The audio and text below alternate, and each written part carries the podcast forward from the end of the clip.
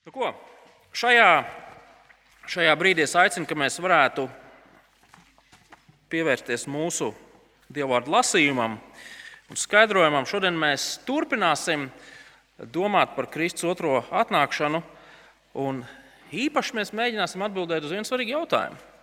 Viņš vispār nāks? Un, kā mēs redzēsim, tas nemaz nav tik neloģisks jautājums, dzīvojot mūsu laikos. Es aicinu, ka mēs varētu vērt vaļā otro Pētera vēstuli. Draudzes Bībelē tā ir 1242. lapuse, kur mēs redzēsim šīs vēstules trešo nodaļu. Nolasīsim otro Pētera vēstuli, trešo nodaļu no 1 līdz 11 pantam.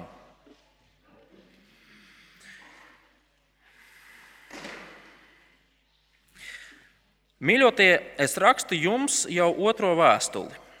Abās ar atgādinājumiem turēt nomodā jūsu skaidro prātu, lai jūs atceraties sen sacītos svēto praviešu vārdus un kungu un glābēju bausli, ko jums nodeva jūsu apstuļi. Vispirms saprotiet to, ka pēdējās dienās nāks tādi, kas dzīvo savās iekārēs un nirdzīgi nirgādamies teiks, kur paliek apsolījums par viņa atnākšanu. Kopš sentāvi ir aizmiguši mierā, viss paliek tāpat kā no radības iesākuma. Viņi tīšuprāt aizmirst, ka Dieva vārda spēkā jau kopš senatnes pastāv debesis un zeme no ūdens un caur ūdeni. Caur to pasauli reiz ūdens plūdos gāja bojā, bet tagadējās debesis un zeme tas pats vārds uztur un saglabā ugunī bezdievīgo cilvēku pazudināšanai tiesas dienā. Lai jums, brāļi, nepaliek apslēpts tas, ka kungam viena diena ir kā tūkstoši gadu, un tūkstoši gadu kā viena diena. Kungs nevilcina savu apsolījumu, kā daži domā, bet pacietīgi gaida uz mums, jo viņš negrib, ka kādi ietu pazušanā, bet grib, ka visi grēku nožēlā atgriežas. Kunga diena nāks kā zaglis, tad debesis ar lielu troksni izgaisīs, pasaules elementi sadegdami izjuks, un zemi un visu, kas uz tās Dievs piemeklēs. Ja reiz viss stājies bojā, kādiem gan jums vajadzētu būt svētā dzīvošanā un dievbijā? Tas ir tā kunga vārds. Amen. Pirms ķeramies klāt šiem pantiem, lūgsim Dievam palīdzību saprast. Pēters kādā citā vietā raksta, ka nu pat piedzimuši bērni augstiet pēc tīrā vārda piena, lai to baudot, jūs kļūtu pieauguši pestīšanai. Debes Tēvs palīdz mums šajā pēcpusdienā, kad mēs nākam pie Tava vārda piena. Palīdz mums to saprast. Un, lai pie sapratnes nākuši, mēs varētu nobriest, pieaugt. Ļauj, lai šī sapratne vairotu mūsu ticību un vadītu mūsu dievbijīgā dzīvošanā. To mēs lūdzam Kristus vārdā. Amen. Mūsu priekšā esošā vēstule, kā jūs redzat, viņa ir pavisam niecīga salīdzinājumā ar vienu otru citu vēstuli. Jaunajā derībā šī vēstule ir Pētera atvada vēstule. Pēters lieliski zina, ka kuru katru brīdi viņam būs visticamāk jāšķirās no dzīves. Tādēļ viņš grib, lai palicēji, viņa draugi, ticības brāļi un māsas turpinātu turēties pie veselīgās mācības arī tad, kad pats Pēters vairs nebūs dzīvs. Un interesanti, ja mēs lasītu šo vēstuli, mēs redzētu to, ka Pēters, kurš ir 30 gadus kalpojis Kristum, tātad veterāns, viņš nepasaka neko jaunu. Un tas ir pārsteidzoši, jo mums bieži vien liekas, ka jo ilgāk mēs esam kādas jomas eksperti un profesionāļi, jo lielāks gudrību krājums mums ir ar ko padalīties. Bet šis sirmais apustulis nepasaka neko revolucionāru. Viņš atgādina, lai kristieši atcerētos. Skatieties, kā iesākās šī raksturvieta. Mīļotie, es rakstu jums jau otro vēstuli, abās ar atgādinājumiem, turēt nomodā jūsu skaidro prātu, lai jūs atceraties sen sacītos seno svēto praviešu vārdus kungu un glābēju bausli, ko jums nodeva jūsu apstuļi. Interesanti, ko mēs, ja mēs zinātu, ka tā stunda nāk un ir jau klāta, kad, kad mums ir jādodas prom, ko mēs teiktu saviem tuviniekiem, saviem draugiem, saviem mīļotajiem. Protams, mēs apliecinātu savus jūtas pret viņiem, mēs iespējams dotu kādu padomu par to, kā dzīvot, mēs dotu kādu padomu par to, kā nedzīvot, saprastam, ka mēs paši varbūt esam vienu otru kļūdu pieļāvuši, ko negribam citiem novēlēt. Bet ko Pēters? Ko Pēters uzskata par ārkārtīgi svarīgu pirms savas nāves atgādināt kristiešiem? Ko Pēters vēlas, lai kristieši atceras? Ļoti vienkārši. Pēters vēlas, lai kristieši atcerētos to, ka Kristus nāks otrais. Tā nav nekāda jauna mācība. Kristieši to ir dzirdējuši no vecās derības praviešiem, kristieši to ir dzirdējuši no apstuļiem, kas māca to, ko savulaik pavēlēja pats Jēzus Kristus. Pēters līdz ar to grib, lai kristieši stingri stāvētu un savu dzīvi veidotu ap patiesību, par Kristus otro nākšanu. Tas ir ārkārtīgi, ārkārtīgi svarīgi. Un no vienas puses mēs varam teikt, nu, tieši tā, mēs jau saprotam, kāpēc viņš to saka. Ko, ko darīt, ja tā gaidīšana ir tik ilga? Veseli 2000 gadi pagājuši, un tas laiks skaitās. Ziniet, kas notiek, kad ir pagājis tik ilgs laiks? Mēs pārstājam gaidīt. Nē, nu, nav jau tā, ka mēs pārstājam ticēt tam, ka Jēzus nāks otrais. Taču mēs vairs neticam tam, ka tas varētu notikt mūsu dzīves laikā, kur nu vēl pēc mēneša vai parīt. Mēs tam ticam, bet realtātē šai patiesībai nav nekādas ietekmes uz mūsu dzīvi. Draugi, taču Pētera bažas ir vēl nopietnākas. Redziet, mēs nedzīvojam vakumā. Ja vien neesam strausi, kas bāž galvu smiltīs, man liekas, ka viņi īstenībā tā nedara, bet ir tāds teiciens, mēs visi saskaramies ar dažne dažādām mācībām.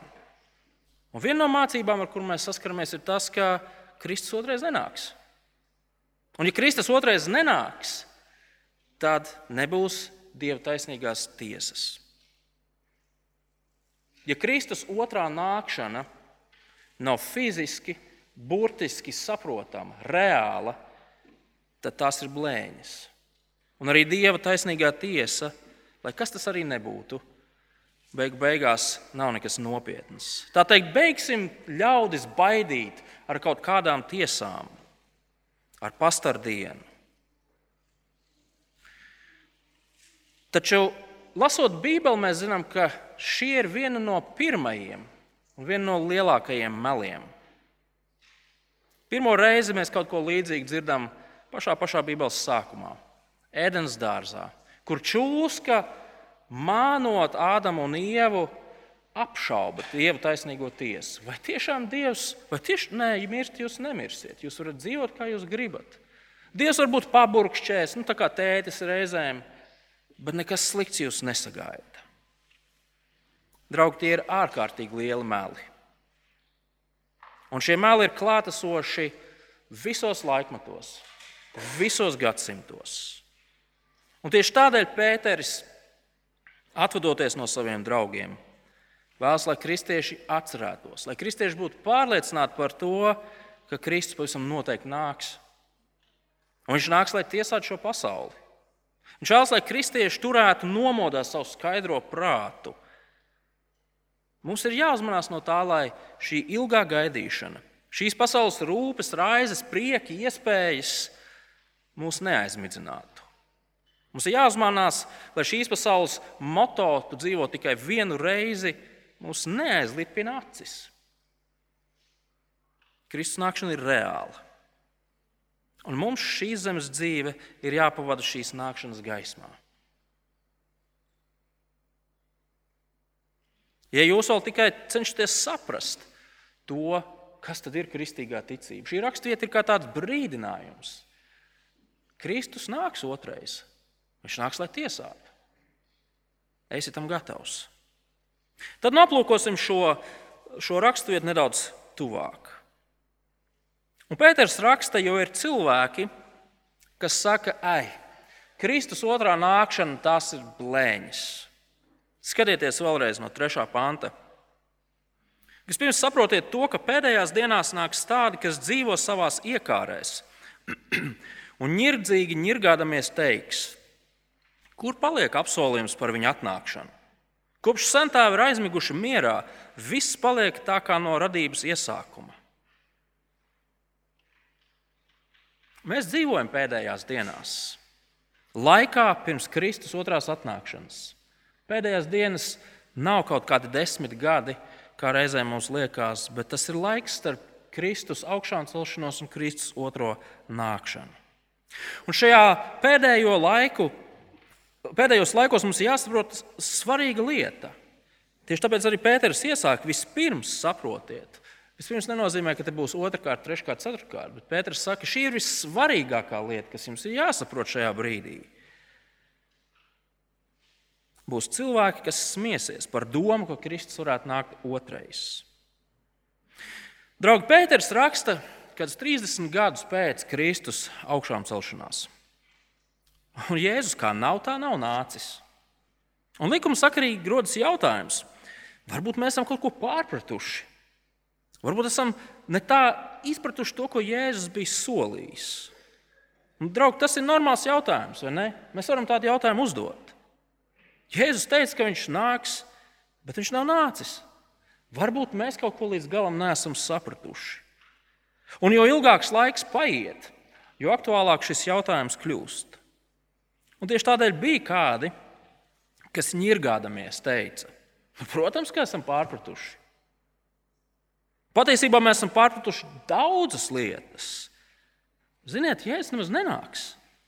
Šajā pasaulē vispār nekas nav mainījies kopš laika, kad tā tika radīta. Draugi, šie cilvēki ir skeptiķi. Viņi ir skeptiķi attiecībā uz to, ko Dievs ir teicis, attiecībā uz to, ko, cik daudz Dievs iesaistās cilvēces notikumos, vai Dievs vispār iesaistās cilvēces notikumos. Viņi skatās uz šo pasauli un saka, nekas te nav mainījies, draugi. Par ko mēs runājam? Ļaunums, plaukstums, zeļ, kāri, slimības, nāve, prieki, bēdas, un viņi izdara nepareizos secinājumus. Kristus nenāks, lai tiesātu. Un tādēļ viss, kas mums atliek, ir dzīvo šodienai. Jo rīt mēs mirsim, un tas arī ir viss.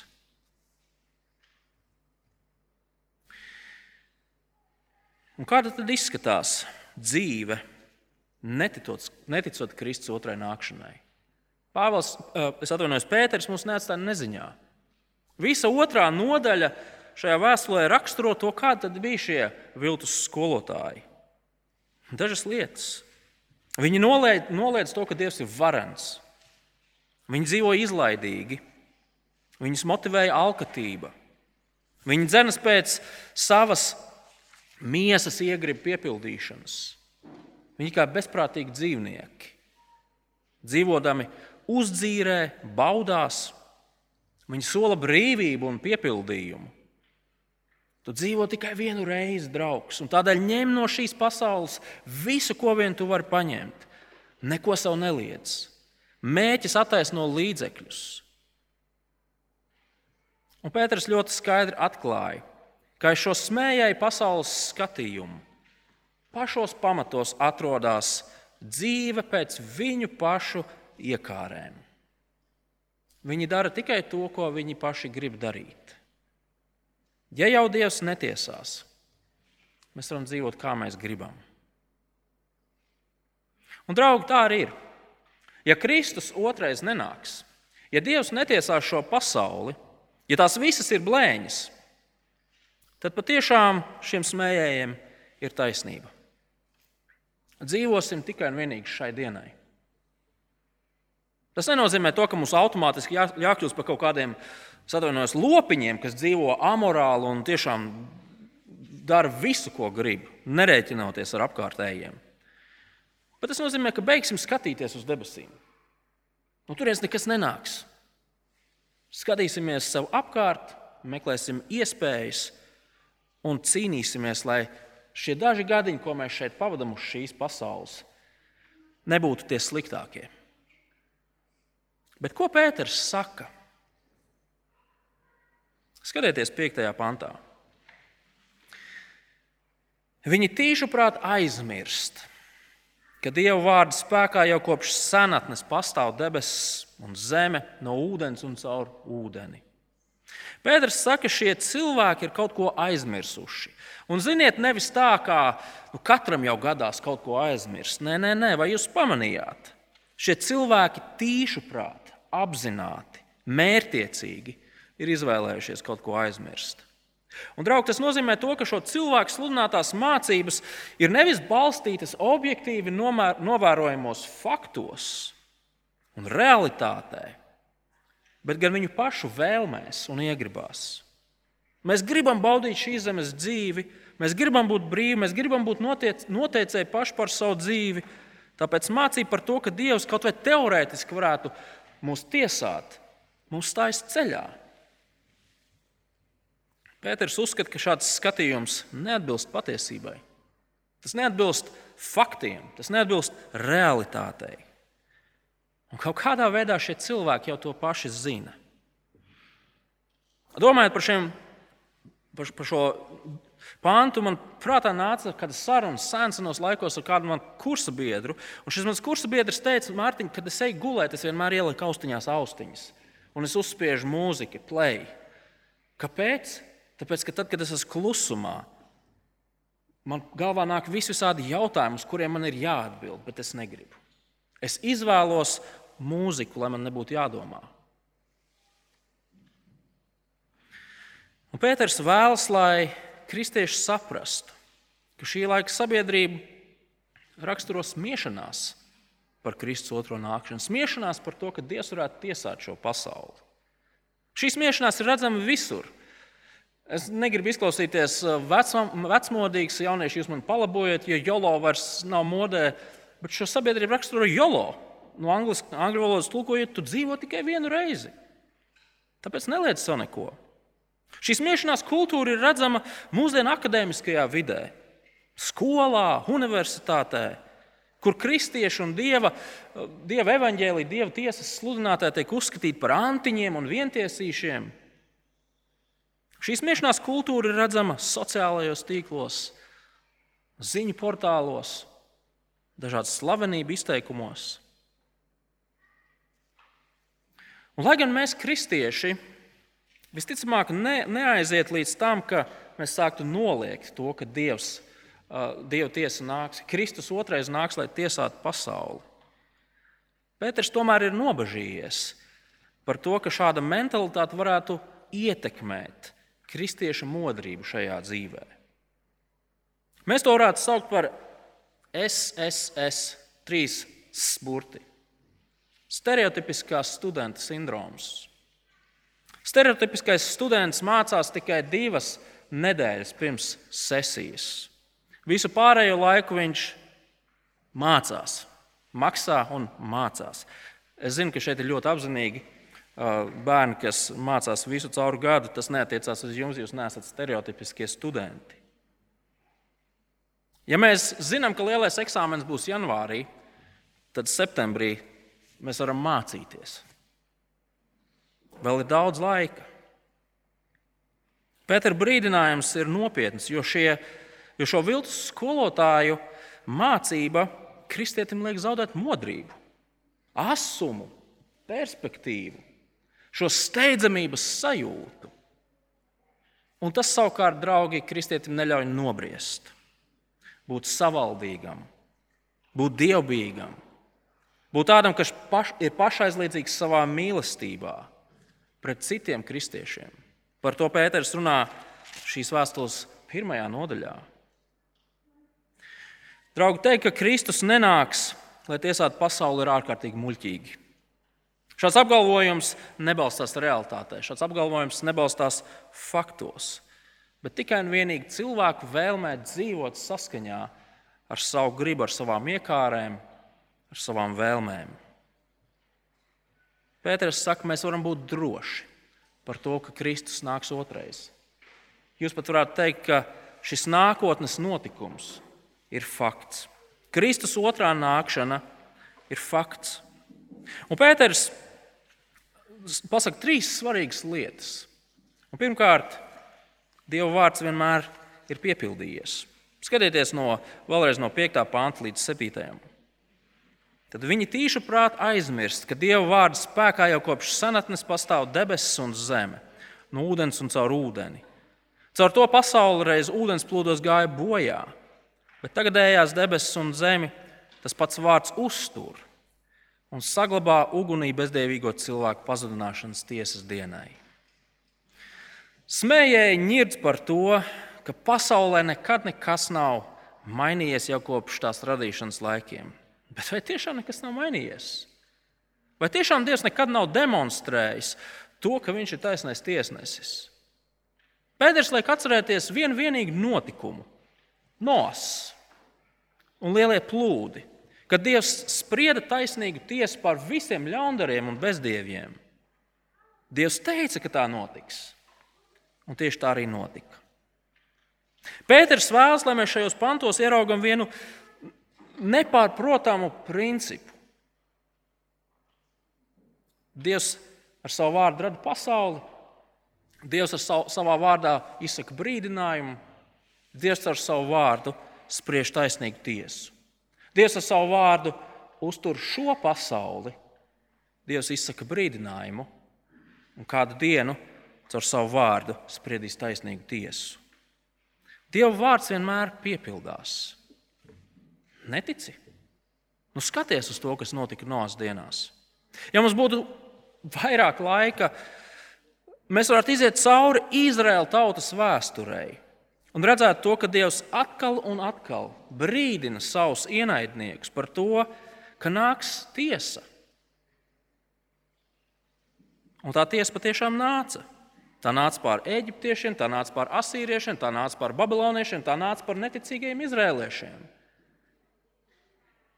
Tas nav šajā raksturvietā, bet, bet Kunga Jēzus Kristus pirmā nākšana bija pareģota daudz gadsimtus pirms viņš nāca.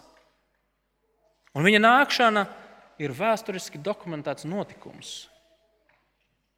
Tas, ko Dievs savā vārdā apsolīja darīt, to viņš izdarīja. Kristus persona un viņa darbs, tas nav kaut kas nejaušs, tas ir Dieva vārda piepildījums. Draugi, mums nav nekāda pamata teikt, ka Dievs nepiepildīs savus solījumus. Dievs nav kā tētis, kurš reizēm pasakā, ka izdarīs, un beigās aizmirst to izdarīt. Vai kaimiņš, kurš apsola kaut ko savest kārtībā, bet tā arī to neizdara. Viss, ko Dievs savā vārdā ir atklājis, ir piepildījies. Punkts. Un tieši tāpēc mēs varam būt droši, ka viss tas, kas Dieva vārdā ir atklāts un vēl nav piepildījies, arī piepildīsies. Kristus otrā nākšana un Dieva tiesa tas ir fakts. Bet kāpēc Jēzus nenāk tagad, uzreiz? Nu, kāpēc viņš kavējās? Un Pēters saka, tam ir nopietns, ļoti svarīgs un ļoti labs iemesls. Kristus kavēšanās, Dieva tiesas kavēšanās norāda uz žēlastību. Skatieties, 8. un 9. pantā. Lai jums, brāļi, nepaliek apslēpts tas, ka kungam viena diena ir kā tūkstoš gadu, un tūkstoš gadu kā viena diena. Kungs nevilcina savu apsolījumu, kā daži domā, jo viņš negrib, ka kādi ietu pazušanā, bet grib, ka visi grēku nožēlā atgriežas. Pēters kristiešiem atgādina to, ka laiks ir tāda diezgan tāda relatīva padarīšana. Mums 80 gadi liekas daudz, ja tā ir visa mūsu dzīve, bet Dievam 80 gadi nav nekas, viena sekunde, jo Dievs ir mūžīgs. Viena diena mums cilvēkiem nav nekas daudz, bet tūkstoši gadi mums cilvēkiem ir vesela mūžība.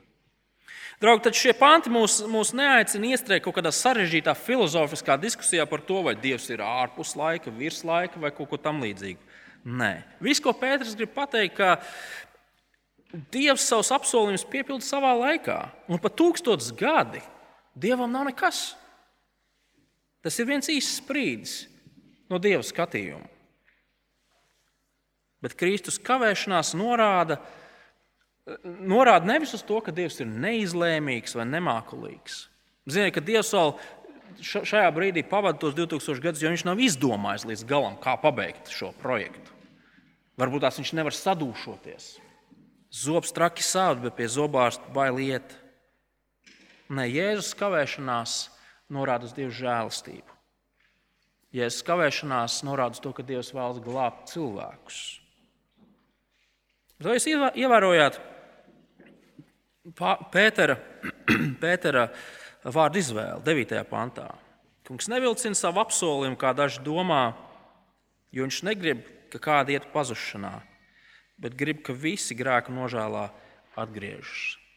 Reizēm cilvēki, lasot šos pantus, domā, ka Pēters šeit runā par tieši šādā veidā, tāpēc ka kādi no viņa draugiem, klausītājiem ir aizgājuši neceļos.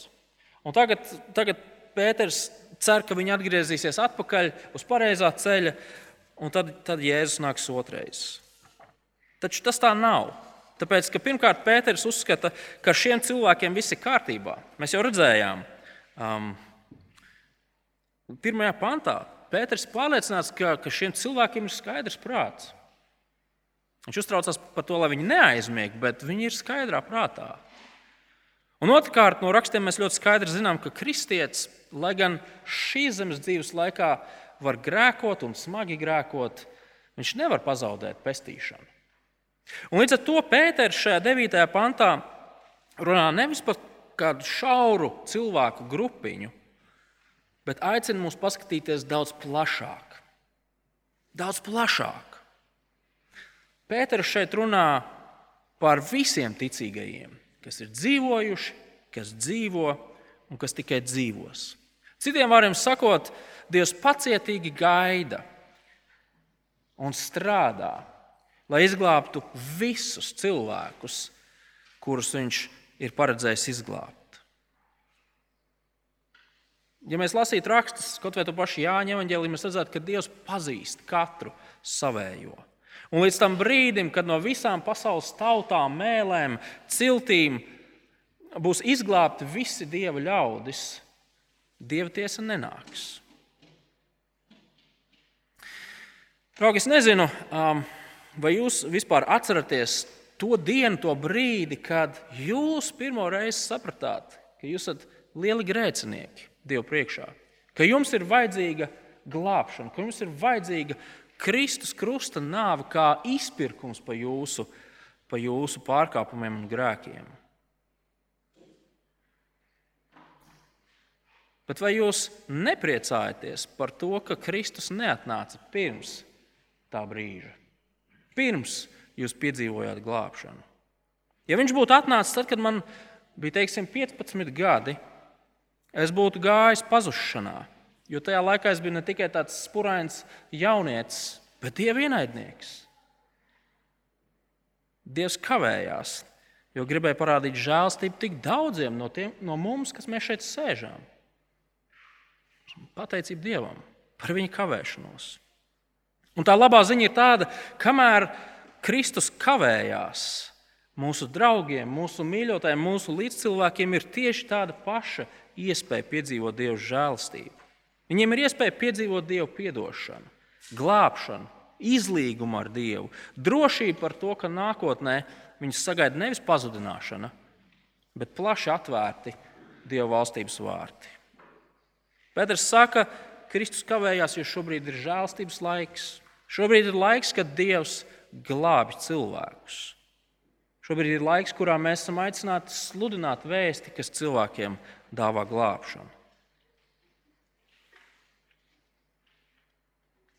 Kristus nāks, par to mēs varam būt droši. Tas, ka viņš kavējās, lai mūs neizdrošina, bet lai mēs varam pateikties, ka šajā brīdī Dievs vēl joprojām ir žēlīgs pret pasaules iedzīvotājiem. Taču Jēzus otrā nākšana, tad, kad tā nāks, tā būs negaidīta, tā būs visaptveroša un tā būs galēja. Skatieties, desmitajā pantā.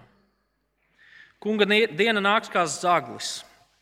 Tā debesis ar lielu troksni izgaisīs, pasaules elementi sadegdami izjuks, un zemi un visu, kas uz tās Dievs piemeklēs. Kristus var nākt vēl pēc tūkstošiem gadiem. Kristus var nākt rīt. Ziniet, Kristus pat var nākt šobrīd, kamēr es te sludinu. Un iespējams, viens otrs teiks, nāc, kungs, jēzu, nāc. Bet tas, ka mēs nezinām to dienu, kad Kristus nāks, nenozīmē to, ka mums nevajadzētu būt gataviem. Es joprojām atceros, pirms pāris nedēļām, ko Andris teica, katrā kalendāra dienā mēs varam ierakstīt, mums vajadzētu ierakstīt, ka Kristus šodien varētu atgriezties. Tik gataviem mums ir jābūt. Un šī nākšana būs visaptvaroša un galēja. Pilnīgi viss, ko mēs zinām, tiks iznīcināts. Pāri nepaliks nekas. Debesis, zeme, pilsētas, mājas, zvaigznes, mēnesis, mašīnas, muzeji, baznīcas, pat grāmatas, veikali, jūras kalni. Viss. Un no šīs dienas neviens neizspruks. Neviens tajā dienā nekur nevarēs paslēpties. Dievs tiesās ikvienu. Kristus otrā nākšana būs kosmiska, globāla, visu atklājoša, visu izgaismojoša. Tā būs līdzīga tam katastrofu filmām, kur Zemē tuvojās kaut kāds mega asteroīds. Filmās parasti neliela sauļiņa izglābjās, ielienot kaut kādā alā bunkurā vai aizlidojot uz citu planētu. Bet tajā dienā, kad nāks Kristus, nekas tam līdzīgs nevarēs notikt. Vai mēs tam būsim gatavi? Jēzus otrā nākšana, Jēzus tiesas diena nav blēņas. Tas ir fakts, kas piepildīsies, jo Dievs to ir solījis. Mēs varam būt par to pārliecināti. Mēs varam būt par to droši. Tā diena pienāks nemanot.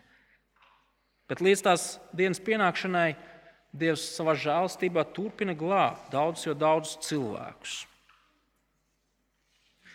Pēters vēlas, lai kristiešiem būtu pārliecība